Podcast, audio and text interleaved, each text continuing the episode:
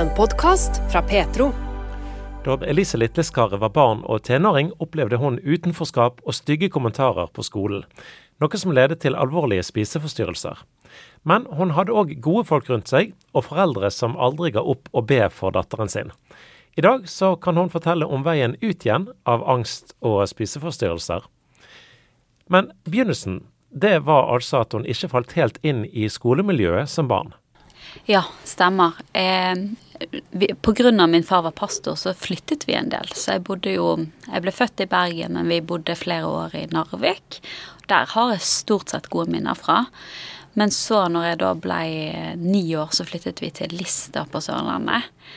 Og eh, når jeg kom til et nytt sted, så var det fort litt sånn at jeg, jeg, ja, jeg falt litt utenfor. Det ble en del mobbing og kommentarer både på at jeg ikke var den beste i sport, at jeg eh, ikke var Ja, dialekten min var rar, og jeg ble mye mobbet for måten jeg så ut på. Jeg var gjerne litt sånn kraftigere enn gjennomsnittet, kan du si. Ja. Mm. Og det skulle bli ganske tøft for deg etter hvert når med den mobbingen og, og ja. Ja. Altså, når jeg skulle begynne på ungdomsskolen, så flyttet vi til Bergen, da. Da hadde mine foreldre fått kaldt å komme til Bergen. Og eh, jeg husker at jeg eh, Når jeg skulle slutte på skolen, at jeg hadde et håp på en måte om å få høre at vi kommer til å savne deg. Og det skal jeg si at det var flere som sa det. Men så er det jo det der med at det skal bare en stygg kommentar til for å rive ned. Og da husker jeg at det var en på skolen som sa til meg at jeg gleder meg til vi slipper å se det feite trynet ditt mer her. Eh, og det som skjedde den dagen, var at jeg kjente rett og slett et sånt, akkurat et stikk i hjertet. Så husker jeg jeg fikk den tanken, som jeg i dag tenker jeg tror ikke det var meg sjøl, men jeg tror det vi har en fiende som vil ødelegge oss. Og den tanken den var neste gang du ser meg, så skal jeg være så tynn at du får spise ordene dine. Og det Og så glemte jeg på en måte det litt. Jeg glemte ikke det helt, men det lå litt sånn i underbevisstheten. Så kom vi til Bergen, så var det det håpet om at ting skulle bli bedre. Men når jeg begynte på ny skole, så ble det faktisk mye verre. Eh, jeg passet ikke inn i klesstil, igjen dialekten og det der at jeg var litt kraftig. Så i løpet av kort stund så bestemte jeg meg for å begynne å slanke meg. Og det var på en måte Jeg skulle bare slanke meg, da. Men det tok ikke lang tid før det tok over livet mitt. Oi. Mm. Så den tanken, de ordene, det hadde bitt seg fast i deg og tok helt makten etter hvert, dette her med at eh, han ikke ville se mm. ansiktet ditt lenger. Ja, stemmer det. Det var liksom det Etter hvert som den mobbingen ble verre på den nye skolen, så kom liksom disse tingene tilbake igjen, sant. Og eh, jeg begynte å slanke meg. Um, og det, tanken var jo bare at jeg skulle gå ned i vekt, men jeg var jo ikke forberedt på hvor fort jeg skulle ta kontroll i livet mitt. Og sånn var det i ja, jeg vet ikke, syv-åtte måneders tid så spiste jeg veldig, veldig lite hver dag og raste ned i makt, vekt. Og så var det en dag vi skulle ha familieselskap hjemme, og jeg fikk panikk for innen da så hadde det å spise på en måte mer enn akkurat den lille porsjonen med middag som jeg unnet meg hver dag, en bitte liten porsjon. Jeg fikk angst av å tenke på å skulle spise mer enn det. Mm. Så jeg fikk en tanke hva gjør jeg nå? For jeg må jo holde oppe fasaden om at alt er bra. Så må det jo sies at det Alle så jo at det ikke gikk bra. Jeg var, hadde jo rast ned i vekt, så alle skjønte jo at noe var gale. Men jeg fikk den tanken jeg kan jo stikke fingrene i halsen og kaste opp maten. Så det gjorde jeg den kvelden. Og det skulle på en måte bare være en sånn nødløsning når vi fikk besøk eller jeg måtte holde masken. Men det som skjedde, var jo at når jeg hadde gått så lenge og vært sulten hver eneste dag, så når jeg endelig ga etter og lot meg sjøl spise, så mistet jeg helt kontroll. Ja. Så, mm. så du utviklet Det var anoreksi, og så ble det bulimi? Stemmer det. Det, det gikk liksom fra til det at det skulle være en nødløsning, til at jeg begynte å spise enorme mengder med mat eh, og kaste opp. Ma av og til var det én gang dagen, men ofte var det mange ganger dagen. Mm. Det blei så gale at jeg eh, brukte opp alle konfirmasjonspengene mine på mat og avføringsmidler og treningsapparater. Jeg eh, i perioder var det så galt at mine foreldre måtte låse inne maten, for ellers så bare gikk jeg løs. Og så kunne de porsjonere ut det jeg skulle spise hver dag. Eh, for ellers så bare tok jeg alt. Og jeg lærte meg å bryte opp låser, alt mulig, for å få tak i mat. Jeg mistet helt kontroll. Ja. Mm. Så det hadde skikkelig makt over deg, og det førte både frykt og angst og mye skitt med seg. Absolutt. Og så det er jo på en måte en sånn Altså, når jeg bare slanket meg, så var det på en måte OK, jeg må la folk tro jeg spiser mer enn jeg gjør, så ikke de blir bekymra. Men når jeg begynte å kaste opp på den måten, så, og etter hvert skjønte at jeg hadde mistet kontroll Og det der at Altså, jeg var på en måte som en narkoman som har dopet sitt. Og så er det vanskelig med mat, for mat må du forholde deg til for å overleve. Du kan ikke bare kutte det heller, sant. Um, men så er det så mye skam forbundet. Altså, det er jo ekkelt. Det er jo ekkelt å kaste opp. Det er jo noe alle misliker. Så jeg følte meg utrolig skitten og ekkel, og tenk om folk visste. Så det var mye skam. Og jeg isolerte meg. Jeg, egentlig sånn før alt dette her begynte, så var jeg en veldig livsglad jente med mye Veldig sosial, elsket å være med venner, veldig blid. Mye initiativ og kreativitet. Men alt det, det døde jo ned. Mm. Og det ble jo til at jeg på en måte isolerte meg og var kun med på det jeg måtte være med på for å liksom opprettholde en sånn fasade, da, om man kan si det sånn. Ja.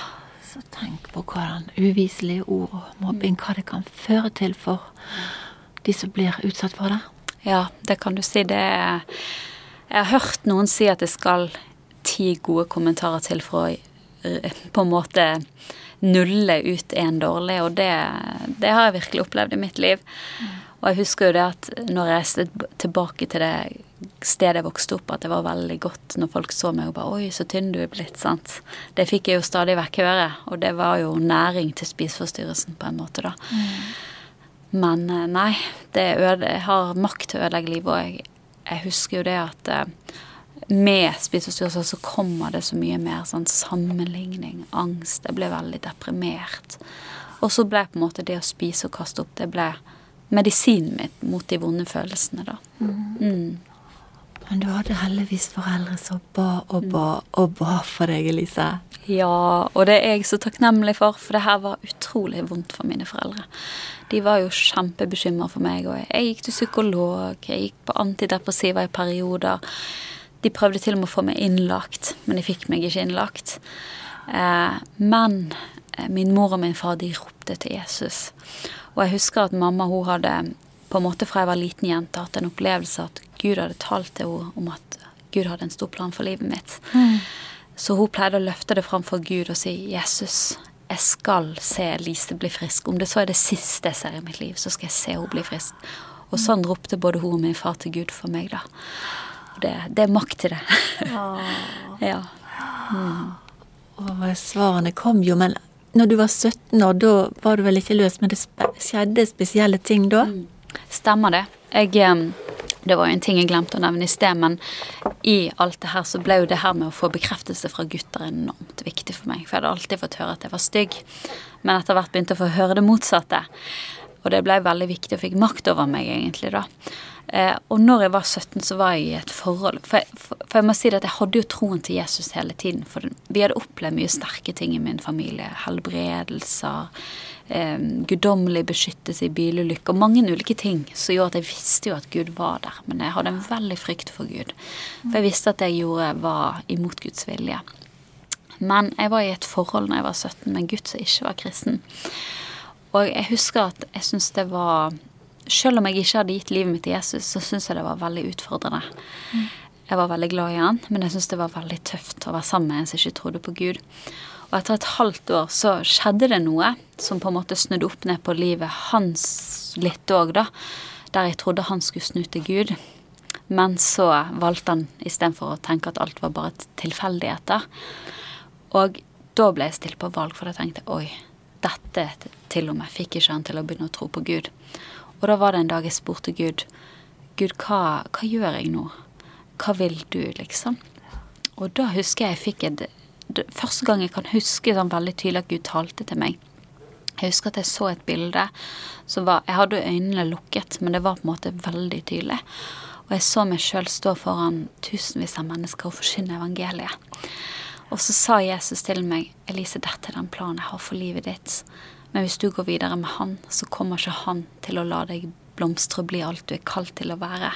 Jeg vil fortsatt elske deg like høy, høyt, men du vil gå glipp av det jeg har for deg. Og det blei på en måte For første gang skjønte jeg at Gud hadde noe for meg, da. Eh, og det blei avgjørende og var med å føre til at det ble slutt mellom meg og han, da. Mm. Ja. Mm. Og det skulle allikevel gå noen år. Mm.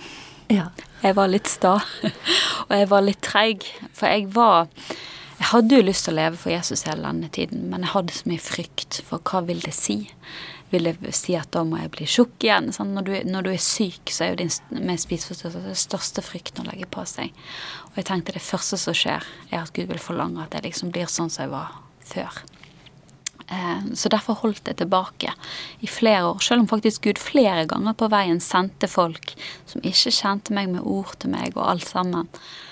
Men så var det en kveld eh, på våren da jeg var 19 og noen måneder før jeg ble 20. Så satt jeg hjemme, og da var jeg bare kommet til et punkt der jeg i lang tid hadde bare kjent åh, dette er så slitsomt. Er det dette som skal være min historie? Da hadde jeg vært syk i seks år. Og jeg, det føltes mye lenger. Alt var på en måte mørkt. Så tenkte jeg hvis dette skal være livet mitt, har jeg ikke lyst til å leve mer. Mm. Og um, så tenkte jeg men jeg har hørt historier om at Jesus setter fanger fri. Jeg hadde sjøl en mor som fikk et møte med Jesus og ble fri fra angst og mange andre ting. Så det var en kveld jeg satt hjemme alene i stuen. Så sa jeg til Jesus at OK, Jesus. Og jeg må si, jeg, ba en liggende bønn noen ganger før, men jeg mente det ikke. Da var det bare en sånn der for å ha sagt det rette innenfor Gud, i tilfelle jeg skulle dø dagen etter. Men denne gangen så var jeg kommet på en måte til enden av meg sjøl. Jeg hadde jeg så ingen annen utvei enn at Jesus grep inn.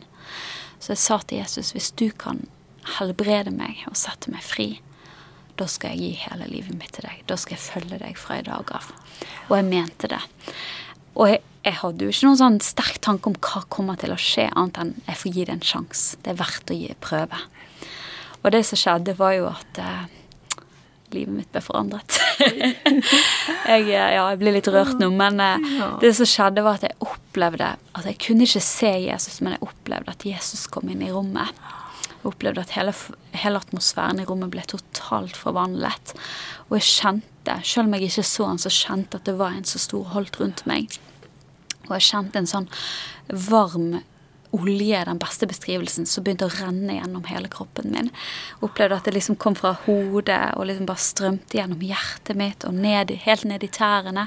Og så spesielt rundt hjertet så kjente jeg at det bare var bølger på bølger på bølger av kjærlighet som strømte gjennom meg.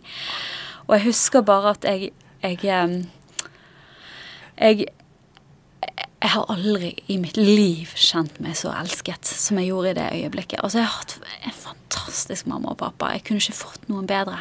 Men likevel så har jeg aldri i mitt liv opplevd en så ren, mektig kjærlighet som det jeg opplevde i det øyeblikket. Og jeg visste jeg kommer aldri til å bli den samme igjen. Jeg visste at livet mitt er for alltid forandret.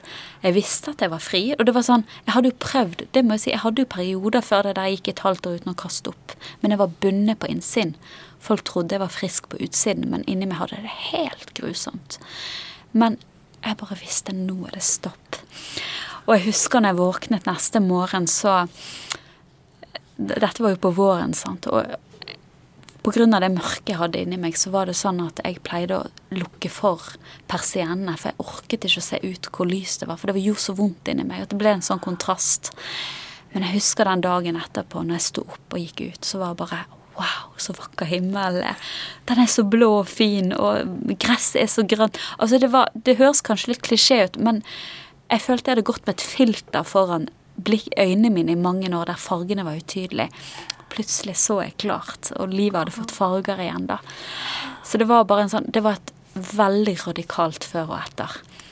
Eh, og dette er jo begynner å bli noen år siden, og det har holdt. Ja, Utrolig. Og da ble du, Elisa, kvitt selvhat, du ble kvitt eh, eh, spiseforstyrrelsene, du ble kvitt eh, frykt og angst og mm. Altså, du hadde omtrent tatt knekken på deg før? Stemmer. Ja, det, det var helt surrealistisk. jeg husker at eh, vennene mine sånn som hadde tenkt at det er håpløst, de var jo helt fortvila for meg. eh, de kom jo og spurte meg i måneden etterpå bare, hva er det som har skjedd med deg? Uten, før jeg fikk sagt noe til dem. Hva er det som har skjedd med deg? Sant? Og jeg delte jo gladelig med alle jeg kunne om hva som hadde skjedd. Sant? Og, og, jeg husker at noe av det første som skjedde, for som du sa, angsten, depresjon, alt, selvhatet forsvant. Betyr ikke at jeg ble som jeg er best i verden, men jeg fikk verdi, for jeg visste jeg var elska. Det var ikke lenger bare en sånn kunnskap i hodet, men det var en erfart virkelighet for meg. da. Um, og jeg husker når jeg satt på bussen på vei til skolen, så bare kunne jeg se på vilt fremmede mennesker. og bare, Før så hadde jeg mer enn nok med meg sjøl og min lille verden. Men etter den dagen så så jeg på fremmede og bare Fy, de hvor høyt de er elsket?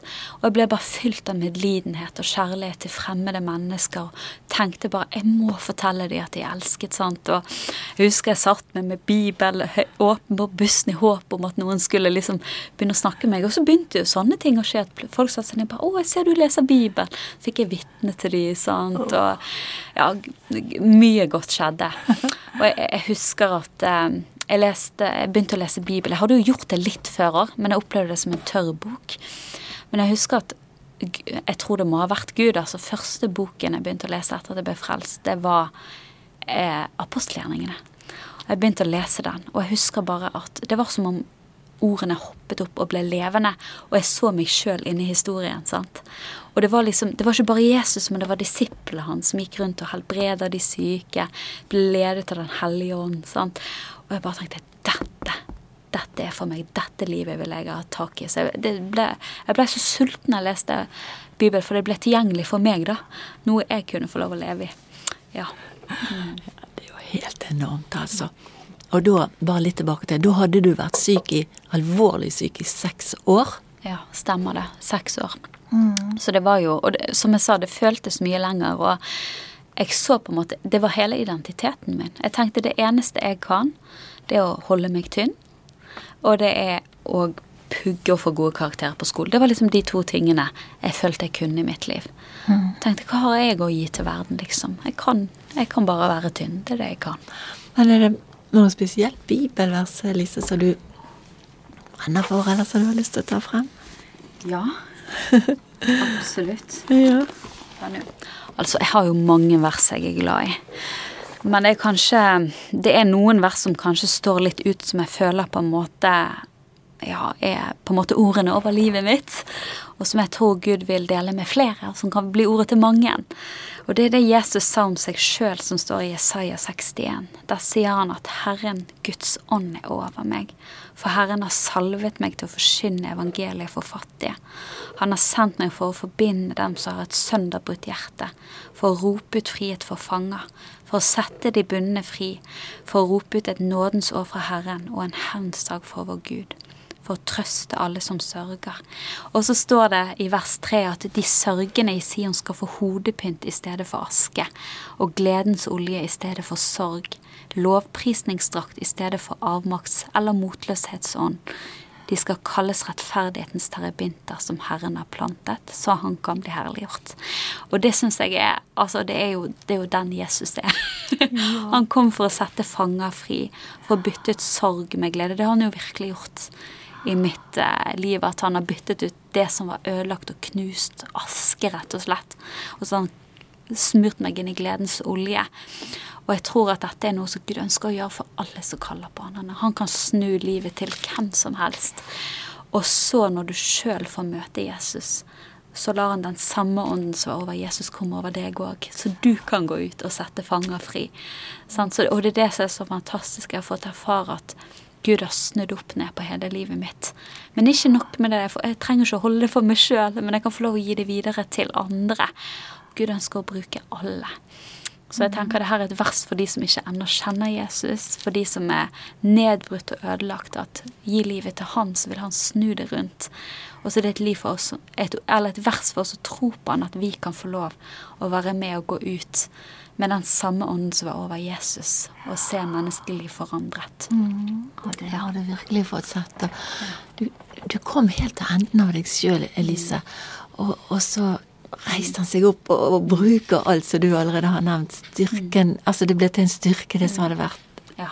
omtrent ville ta livet av deg. Det er helt sant. Og det er det som er så fantastisk med Gud, vet du. Det står eh, Nå kommer jeg ikke akkurat på hvor det står, men det står at um, når tyven kommer og stjeler, så må han betale syv ganger tilbake. og vi har en fiende som ønsker å ødelegge oss. Sant, djevel. Han ønsker å ødelegge oss. Han er, han er, ikke fan av Gud, og han er ikke fan av hans barn. Men det som er så fantastisk, er at når vi gir livet vårt til Jesus, så snur han det rundt. Og så eh, må han betale for det han har gjort. Og det, det står også her i Jesaja 61 at, at, vi skal få dobbel gjengjeld for vår skam. Alt det vi har lidd. Når vi gir det som er knust og ødelagt til Jesus, så vil Gud ikke bare akkurat gjenopprette oss, men han vil gi oss dobbel gjengjeld. Og så ble det et enormt bønnesvar for foreldrene dine, og alle sa det vært for deg, det nyttet? Å ja da. ja, det er jo Jeg får jo stadig vekk høre av både min mor og min far at Å, du vet jeg sa til Gud om det det siste jeg ser! så det er, jo, det er jo de jeg eh, sender melding til når jeg skal ut og dele et sted, eller eller nå i dag, når jeg skal dele her, så står de med i bønn, og de er jo så takknemlige og fryder seg over at Gud har snudd rundt på alt og svart på bønnene deres. Og de sjøl vitner jo om det til andre sjøl òg. Og det er fantastisk. Ja. Og jeg har ikke tall på hvor mange ganger jeg har fått dele vitnesbyrdet mitt med mennesker nå. Nå har jeg mistet tellingen. Men Gud har brukt det til å nå inn til så mange som har vært Kanskje ikke det spiseforstyrrelser, men lignende ting til og med folk som kanskje ikke sliter så veldig, men likevel så blir det et vitnesbyrd om at wow, Gud kan forandre livet til hvem som helst. Enten de har det noenlunde ok, eller de er helt nedbrutt, så kan Gud snu opp ned på livet til alle som vil slippe han til. Ja. Elise Litleskaret har i mange år hatt en deltidsstilling som lærer på Bergen bibelskole, der hun bl.a. tar elevene sine med ut på gaten for å snakke med folk om Jesus en del av jobben min der er jo på en måte å undervise andre om det med å nå ut med evangeliet. Lære de opp, trene de opp. Og så tar jeg med meg elevene ut i Bergen sentrum, da. Og dette var faktisk første gang jeg var ute med Bergen bibelskole. Så det har skjedd masse godt etter det her, og det skjer stadig vekk gode ting. Eh, men første gang jeg var ute, så gjorde vi noe som vi kaller skattejakt. Det høres kanskje litt rart ut, men prinsippet er rett og slett at mennesker er Guds skatter, og vi leter etter Guds skatter. vi spurte Gud hvem er det du vil vi skal møte i dag. Så vi tok oss noen minutter og lyttet til Den hellige ånd. Så skrev vi ned det Gud viste oss. Så var det da meg og to andre elever i klassen som fikk et helt likt bilde av en gutt som skulle gå over Torgallmenningen i Bergen sentrum med svart hettegenser, eh, ganske høy, og han skulle liksom strene over Torgallmenningen. Og jeg tror vi hadde fått noen detaljer på genseren, og jeg husker ikke helt, for det begynner å bli noen år siden. Og vi var egentlig ferdig med evangeliseringen den dagen. Det hadde skjedd mye godt. Folk hadde blitt helbreda og alt. Og jeg var på en måte fornøyd, og samtidig litt sånn Hvor er han gutten? Og så skal vi til å gå hjem, så ser vi bare at det kommer en gutt gående over Torgallmenningen. Akkurat sånn som vi har sett for oss. Og da hadde vi delt disse detaljene med hverandre på forhånd. Så jeg og en av elevene ser på hverandre, og så bare peker vi på han. Der er han. Og så bare ligger vi på sprang, for han hadde jo kommet seg et stykke på vei. Så bremset vi litt opp da, så ikke han skulle bli skremt. Så klarte vi å ta han igjen, da. Så stoppet vi han, så sier vi bare du, unnskyld, eh, kan vi få lov å spørre deg om noe? Du skjønner, vi er på skattejakt, og vi tror at mennesker er skatten. Og vi lurer på om du kan være skatten vår. Han ba, å, hva mener du, liksom? Han ble jo veldig overrasket, sant. Og så hadde vi et sånt ark der vi hadde skrevet ned disse detaljene, så vi begynte å vise, vise han hva Gud hadde vist oss, da. Så ser vi bare at han blir mer og mer lang i masken og måper og bare Det må jo være meg, sier han. Og så mens vi står og prater med han, så opplever jeg at jeg får et bilde der jeg ser han som en liten gutt sitte under kjøkkenbordet og gjemme seg av frykt. Så sier jeg bare nå vet jeg ikke hvordan oppveksten din var, men jeg ser bare en liten gutt som sitter under bordet og skjelver i frykt. Eh, og så opplever jeg bare Jesus sier han så deg, og han var der hele tiden, og han holdt sin hånd om deg. Mm. Og så eh, eh, blir han helt satt ut. Og så sier han bare ja, det stemmer, det var sånn oppveksten min var store deler av tiden. Så sier han dere, dette her er veldig spesielt. Fordi at jeg har faktisk bedt til Gud og sagt Gud, du må vise meg om du er virkelig. Han hadde hørt så mange historier om andre, men han hadde ikke erfart det sjøl. Og så sier vi ja, det her er jo Gud. Så begynner vi å dele evangeliet og spørre om, om han ønsker å bli kjent med Jesus og gi livet sitt til han og ta imot han som herre og frelser og vende om fra synd. Så sier han ja, det ønsker jeg. Og så etterpå, da, når vi har delt evangeliet med han, så sier han bare Vet dere hva? Jeg var faktisk på vei for å ta livet mitt nå, jeg. Jeg, jeg, jeg hadde gitt Gud en siste sjanse, og nå skulle jeg opp i det som var Nygårdsparken, som på den tiden var et sted der de narkomane samlet seg. Og han hadde tenkt å sette en dødelig overdose. Så sier han men det skal jeg ikke nå. Nå snur jeg og går hjem. så det gjorde han, sant. Og i ettertid kom vi i kontakt med familien, og det var flere som på en måte åpnet seg for evangeliet og ga respons pga. det som skjedde med han da. Så han òg tok imot Jesus? Ja. Stemmer det. Og moren? Ja, stemmer. Det var Ja, det skjedde mye gode ting av det. Så det er jo det er utrolig sterkt å se Gud eh, møte mennesker og vi har erfart det så mange ganger at Gud leder oss til folk som har vært i en veldig utsatt situasjon. Jeg har opplevd at Gud har ledet oss til folk som har vært på vei til å ta abort. Bestilt aborttimen og alt. Og så har Gud ledet oss til de i rett tid. Um, og så har Gud gitt oss noen nøkler til hvordan vi skal nå inn til de. Og så har de Ja, det har skjedd utrolig mye sterkt. Men det var bl.a. Eida som hadde bestilt time dagen etter på kvinneklinikken. Men hun var helt fortvila, for hun ønsket ikke. Men hun så ingen utvei. Hun hadde ikke penger eller noen ting. Og hadde tre andre barn. Så står vi der med oss og sier til Gud, Gud, hva gjør vi nå? Så sier bare Gud, gå ut og ta ut 1100 kroner til henne. Til meg og han som er sammen. Og gi dem og si det er tegn på at jeg skal sørge for deg og familien din. Så vi gjorde det. Sa bare kan du bare vente litt her, vi kommer snart tilbake. Tok ut noe penger. Og du skulle trodd det var 30 000 vi kom med, for hun begynte å hoppe og danse og gikk fra dyp fortvilelse til full jubel. Og bare Ja, skulle trodd vi hadde gitt henne mye mer, da. Men det skjedde en forandring i henne. Så mm. går det et år, og så møter jeg henne igjen på butikken. Og så står hun bare og vinker febrilsk til meg. Så tenker jeg, er det hun? Og så står hun der med en nydelig liten jente i armene.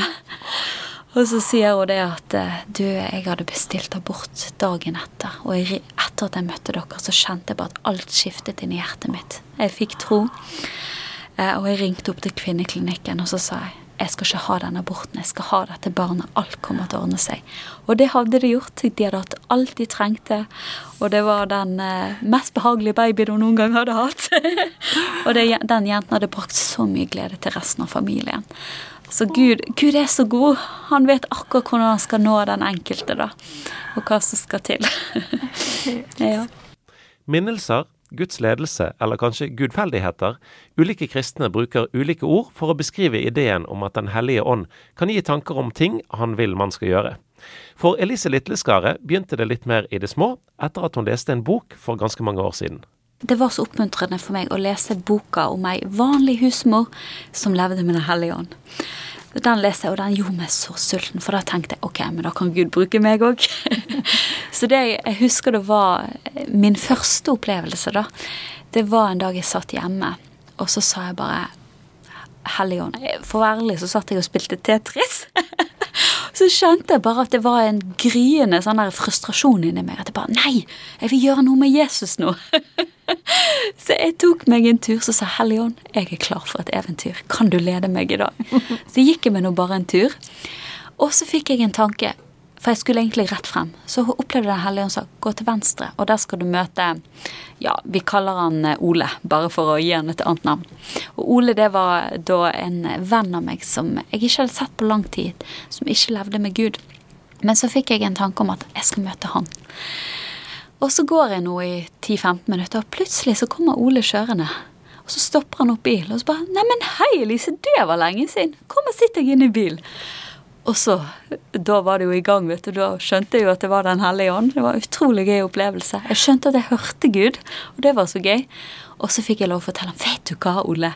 Jeg opplevde Den hellige ånd sa at eh, jeg, skulle, jeg var egentlig på vei rett fram, men Helligånd sa jeg skulle gå hit og jeg skulle møte deg. Og da, jeg, da var jeg jo en nyfrelst. Jeg fikk jo fortelle ham hva som hadde skjedd i livet mitt. og så Han tok jo ikke imot Jesus pga. det, men jeg har jo flere ganger i ettertid fått hørt at han kom rett hjem og fortalte om det som hadde skjedd, og syntes det var så stort. Så det var jo et såkorn, sant. Og så er det jo Helligånd sin oppgave å overbevise. Og det var jo bare begynnelsen, og i ettertid har jeg fått opplevd det så mange ganger. Og nå tenker jeg jo sånn at når jeg er på butikken der jeg er, så OK, Gud, jeg er klar. Hva har du? Så noen ganger kommer det ingenting, men så er det ofte at Når vi bare stiller oss tilgjengelig for Gud, så er Gud så klar til å bruke oss. sant? Så vil han minne oss om mennesker, han vil vise oss folk. og Få oppleve ofte at Gud leder meg til mennesker. Få be for folk, folk blir helbredet, få gi en oppmuntring. Ja, det er gøy å leve med Gud. så jeg tenker der jeg går, så tenker jeg, vet du hva. I meg sjøl har jeg ikke så mye. Men jeg har det levende vannet. Jeg har Jesus, Den hellige ånd, på innsiden. Og det jeg har, det lengter mennesker etter. For evigheten er lagt ned i menneskers hjerte. Jeg kan ikke tilby meg sjøl, men jeg kan tilby Jesus, og han kan mette den tørsten som er i menneskehjerter. Stille tilgjengelig for Gud, så vil han gripe inn og gjøre det bare han kan gjøre. Du har lyttet til en podkast fra Petro. Petro er et spleiselag som drives av frivillige gaver. Har du lyst til å være med? Vips din gave på 50 85 58. På forhånd, tusen takk.